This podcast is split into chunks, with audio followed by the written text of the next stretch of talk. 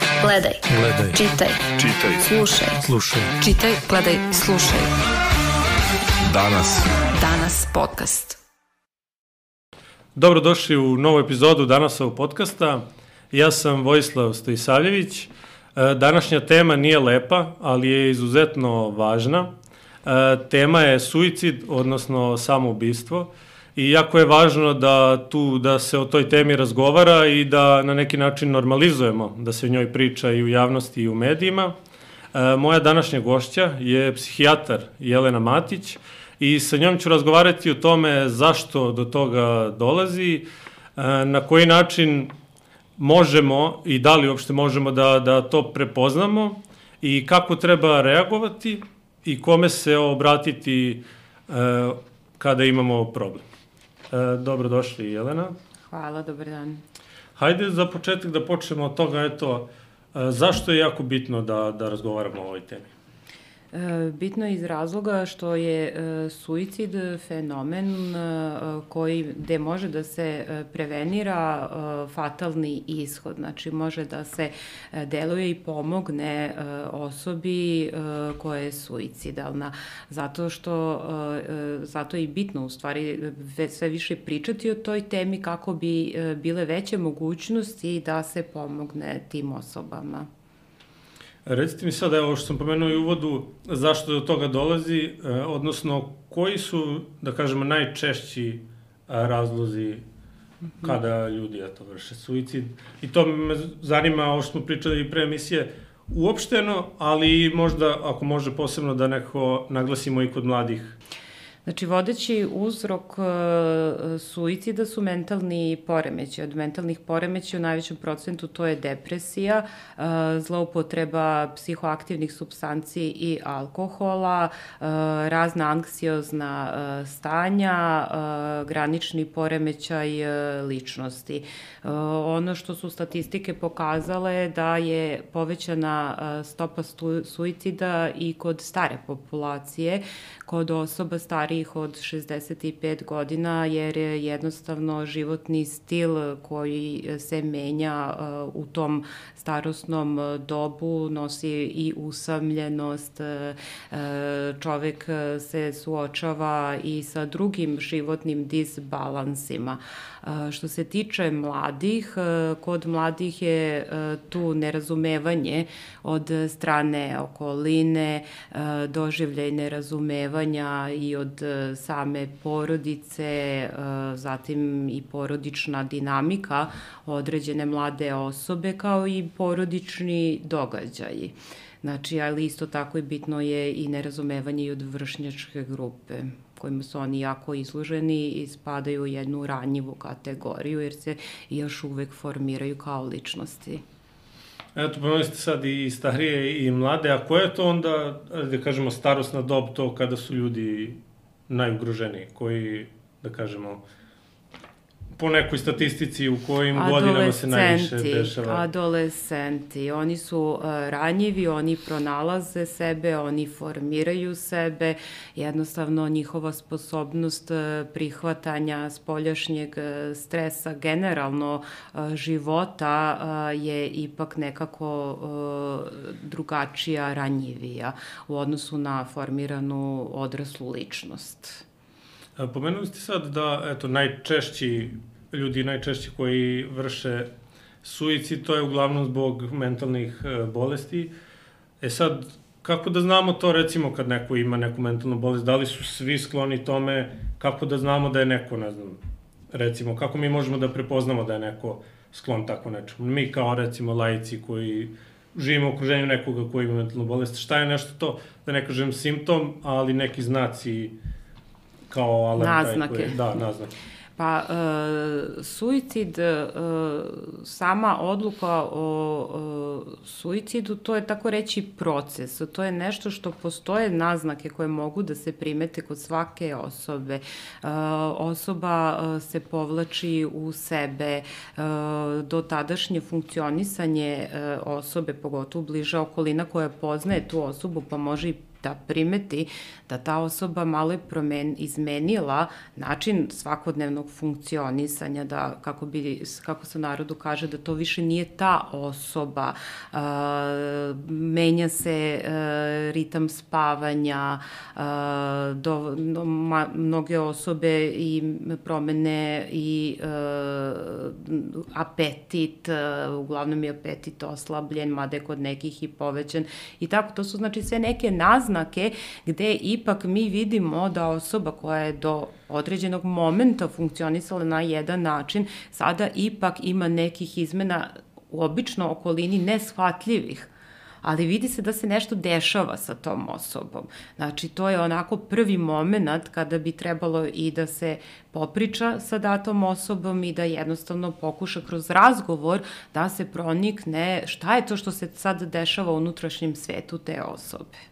A kako, na primjer, to razlikovati kod, da ne kažem dece, ali ono, pa jesu praktično deca koja su u pubertetu ili nešto koje samo zbog toga već imaju neke promene u ponašanju i kako da napravimo tu razliku u tom smislu da, da znamo da li neko ima zapravo problem ili je samo to eto u skladu sa godinama promena ponašanja.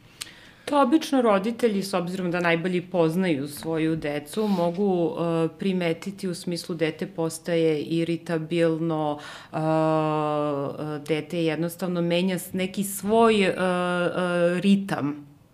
Znate, uh, ako počne da se povlači u sebe, ako odjednom uh, počne da priča o temi suicida, ako pokaže preveliko interesovanje za to. Znači, to su sitne naznake uh, gde treba da budu onako bukvalno uh, crvena zastava, ali naravno svakako sa svakim detetom, uh, to roditelji najbolje znaju, treba stalno pričati, pričati o njihovim svakodnevnim dešavanjima u školi, u vršnjačkoj grupi, znači stvoriti taj neki odnos sa detetom da je u redu pričati o svakoj temi i da ne postoje tabu teme, već jednostavno napraviti neki odnos sa detetom. A mislim da je to najteže, pogotovo u tom periodu. A kako da, ako već recimo prepoznamo takve neke znači kako da, kako prići takvoj osobi? Za početak, jako je bitno ne osuđivati nemati one klasične rečenice, ma hajde, molim te, nije to ništa, ma gledaj to sa vedrije strane, tu neku situaciju i tako dalje. Ono što svaka osoba traži, to je razumevanje. Znači, šalje se poruka, ja želim da me razumeš. Ja imam problem. I u redu je e, prihvatiti taj problem, jednostavno biti tu, slušati ne moralisati, ne osuđivati, ne nabacivati osjećanje krivice. Biti tu sa punim razumevanjem.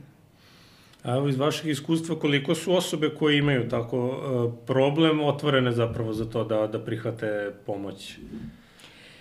Pa, otvorene. Uh, negde uh, takve osobe uh, imaju uh, i određeni deo psihičke energije koji kaže uh, spasi me Znate, uh, i nije lako pričati o suicidu i jednostavno je zabluda da direktno pitanje da li ste suicidalni će uh, odvesti osobu u suicid. Nije tačno.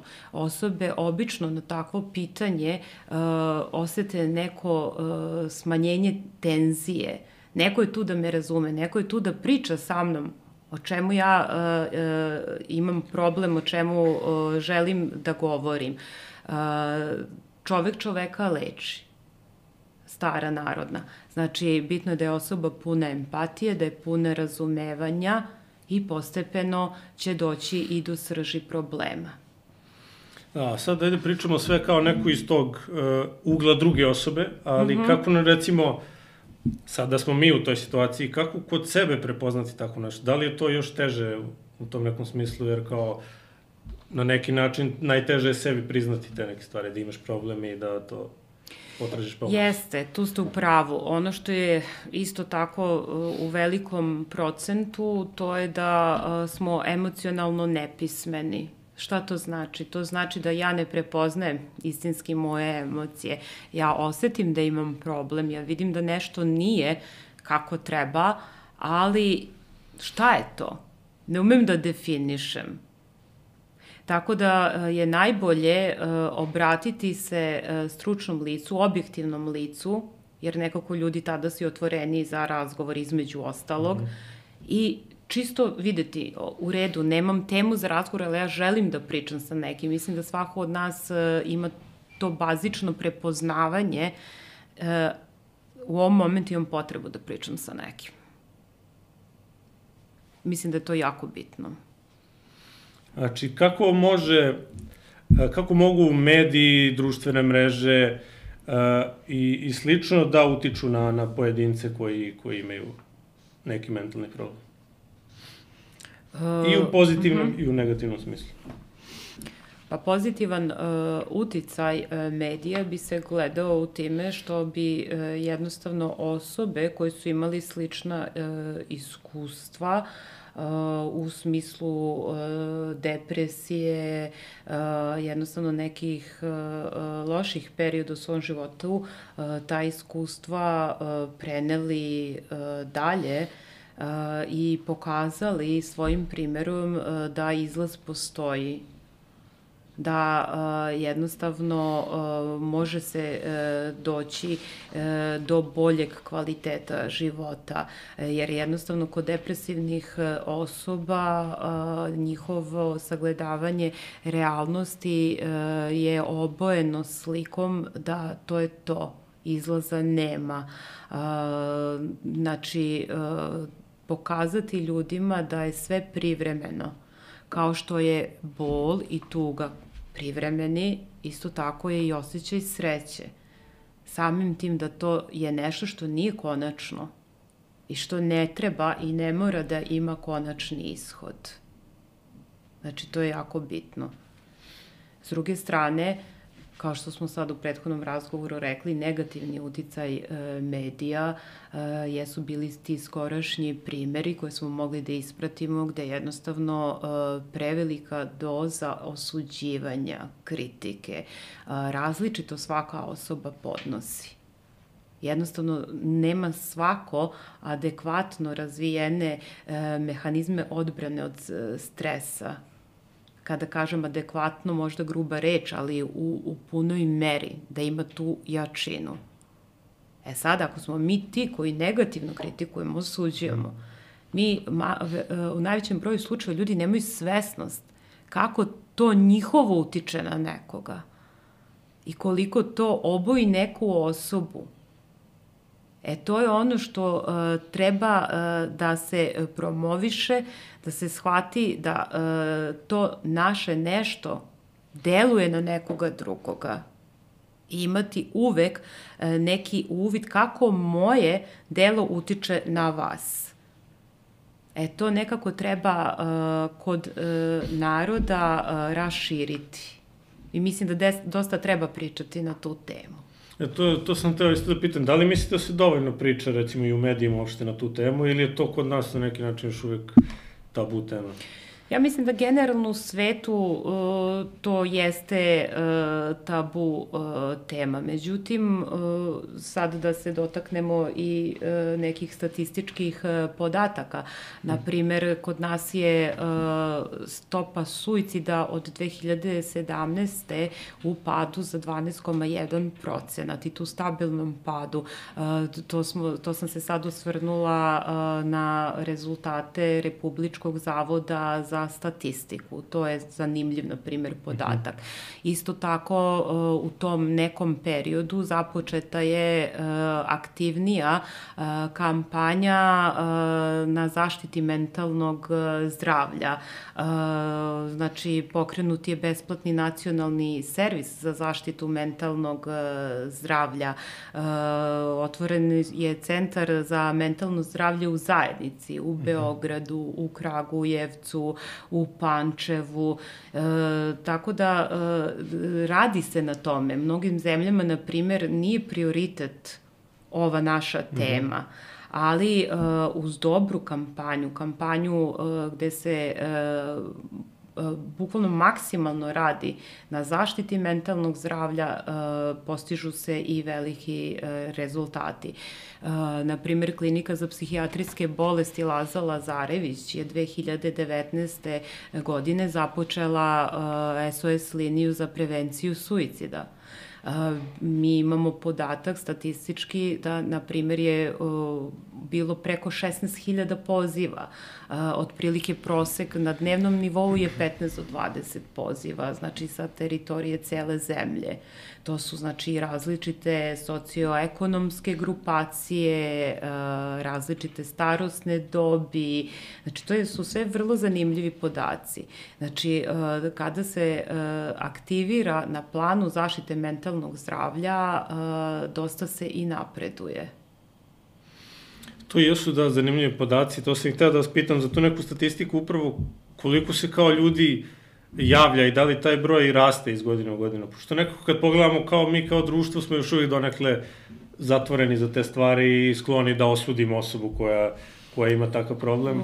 Da, Koliko da. su ljudi ohrabre eto, da, da pozovu da. telefone da... Pa, 15-20 poziva dnevno mislim da ipak znači nešto. Mm. Ono što je uh, naša klinika isto uradila, to je uh, da se napravila i aplikacija uvek uz tebe to je možda uh, i brži i lakši način da se poveća broj ljudi koji će tražiti pomoć. Znači, postoje načini, ali ovim uh, načinima kako pomoći treba i pričati, što upravo mi sada radimo. Mm. Možda neki ljudi ne znaju za ove podatke, tako da je bilo i zanimljivo izneti ih. Da, eto, kad pričamo sad o tom uh, SOS telefonu, mm -hmm. ono, rekli ste već radi 24 sata, a recite mi sad, eto, da objasnimo ljudima ko može i treba da, da se javi i šta recimo može da očekuje kada, mm -hmm. kada pozovete? Uh, ono što bih volila da napomenem to je da je e, besplatna linija u pitanju. Čisto nekada da, da ljudima, da, to eto, jeste, da. jeste, jeste bitno ovaj, uh, da 24 sata, 7 dana u nedelji, kao što ste rekli, radi tokom cele godine. Znači, e, svako ko ima potrebu e, e, da popriča sa nekim ko osjeća neku teskobu, ko ima utisak doživlje da mu je period života u kom se nalazi veoma težak. Nekako je lakše pričati kada sam anoniman, znači kada nisam uživo sa nekim, možda ću biti otvoreniji. Zato su bitne ove linije pogotovo i ova aplikacija koja sada prati moderne trendove e, u smislu da olakša svakome da potraži pomoć. E, recite mi, kada se jave ljudi tako da, na koji način, mislim, u kojoj meri možete preko telefona da im pružite tu pomoć? Kako znate koja vrsta pomoći im treba u tom smislu? Video sam da imaju ono negde gde se vrše intervencije, gde je samo savetodavna pomoć, recimo, mm -hmm E, kako uspete da prepoznate to kome koja vrsta pomoći potrebna i da, da preko telefona pružite nekako eto to? To su stručna uh, lica koje rade na tim uh, linijama. Uh, kroz razgovor oni prave uh, procenu uh, u kom smeru treba pomoći.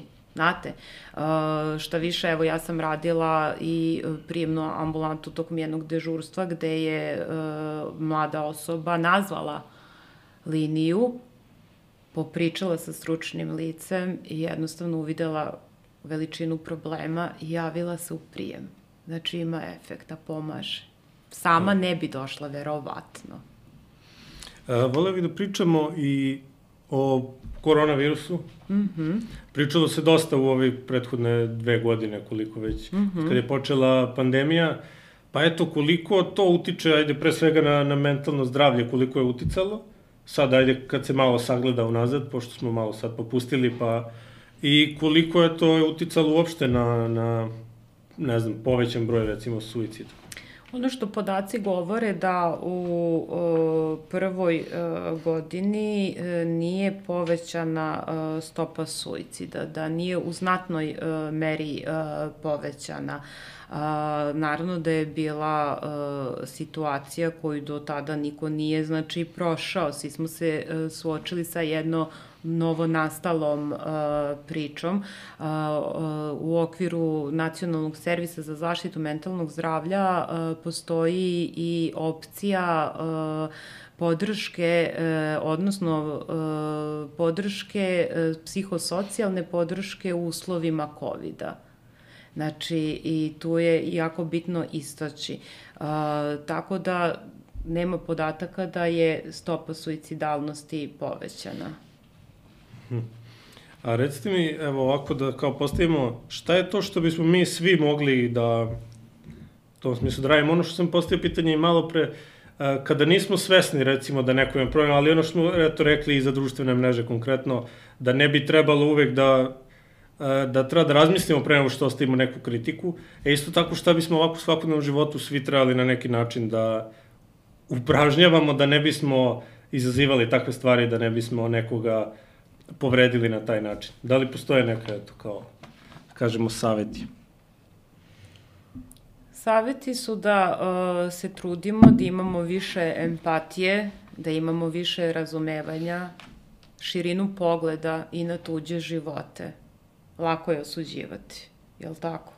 Da. Znači, uh, biti tu za nekog, truditi se da se razvije, razvijaju sa ljudima neke uh, relacije koje ipak nose neku dubinu odnosa. Najlakše je sagledavati stvari površno. Ali baš tada kada idemo, da budem slikovito rečeno, površno, kad idemo kroz tuđe živote, e onda se dese ti previdi. Da je veća mogućnost da ćemo povrediti nekoga. Da, eto sad mi je izašlo to neko pitanje. E, često čujem i to kao da treba na neki način da ljudima ono govorimo šta mislimo, da im na neki način izražavamo emocije, da ljudima govorimo da ih volimo. Eto, eto, koliko je to bitno, naročito za ljude koji već imaju neki problem, da li to može dosta da im pomogne u tom smislu, da se osete da. prihvaćeno, voljeno? Da, e, to je potrebno svakom čoveku. Kažu da jedan zagrljaj dosta znači. I to je istina. I e, jako je lepo e, kada izra, izrazimo e, e, ljubav prema drugoj osobi i podršku. Ja mislim da to svako voli da čuje. Naravno da voli, da, da, mislim više je to koliko je samo, to kao delotvorno. Tim. Jeste, mnogo je delotvorno. Hmm. Mnogo je delotvorno. To stvara i neki osjećaj sigurnosti, pripadanja, stabilnosti, a u krajnjem slučaju i jačine. Da, mislim da ovo Ali, super... Ali, e, izvinjam se što prekidam, samo sam sada htela da kažem da uh, uh, imam utisak da u našoj populaciji to je nešto što nije uobičajeno. Nismo navikli na takav da. način komunikacije, razmene, emocija. Da, kod nas je to još uvek nekako ono, da. teško je na... nam je da prevalimo preko jezika. Da, ali tako, tako malo znači mnogo. Isto je, na da. primjer, i to jedan, e, jedno tema gde možda treba e, naširoko pričati, možda više potencirati, da je to u redu. U redu je reći prijatelju, volim te, članovima porodice, emotivnom partneru. U redu je pri pozdravljanju zagrliti nekoga. Nedostajao si nisam te videla dugo. To je lepo. Eto, ovo je sjajna poruka za kraj. Volao bih još jednom sad ako mi je teško samo da eto ponovimo uh, gde sve ljudi, eto, pomenuli smo par puta taj SOS telefon, mm -hmm. ali kome još sve ljudi, eto, mogu da se jave ukoliko imaju problem. Mi ćemo to svakako navesti i u opisu našeg podcasta, ali eto da, da ponovimo za, za ljude da... SOS linija, znači koja je već otvorena 24-7, telefon je 0800 309 309. E, to je znači e, jedan od načina e, da se započne prvi korak. Prvi korak je najteži. Klinika za psihijatrijske bolesti Laza Lazarević je isto tu otvorena 24 sata, znači sa stručnim licima koji su uvek tu da pomognu. E, hvala vam puno. Hvala vama. E, hvala i vama što nas gledate. Sve ove podatke ćete moći da nađete i kod nas u, u opisu i videa i audio snimka. Tako da nemojte da, da oklevate ukoliko mislite da imate problem ili neko u vašoj okolini javite se. Pozdrav. Gledaj, Gledaj. čitaj, Čitaj. slušaj. Slušaj. Čitaj, gledaj, slušaj. Danas. Danas podcast. Ovaj projekat je sufinansiran iz budžeta Republike Srbije, Ministarstva kulture i informisanja. Stavovi izneti u podržanom medijskom projektu nužno ne izražavaju stavove organa koji je dodelio sredstva.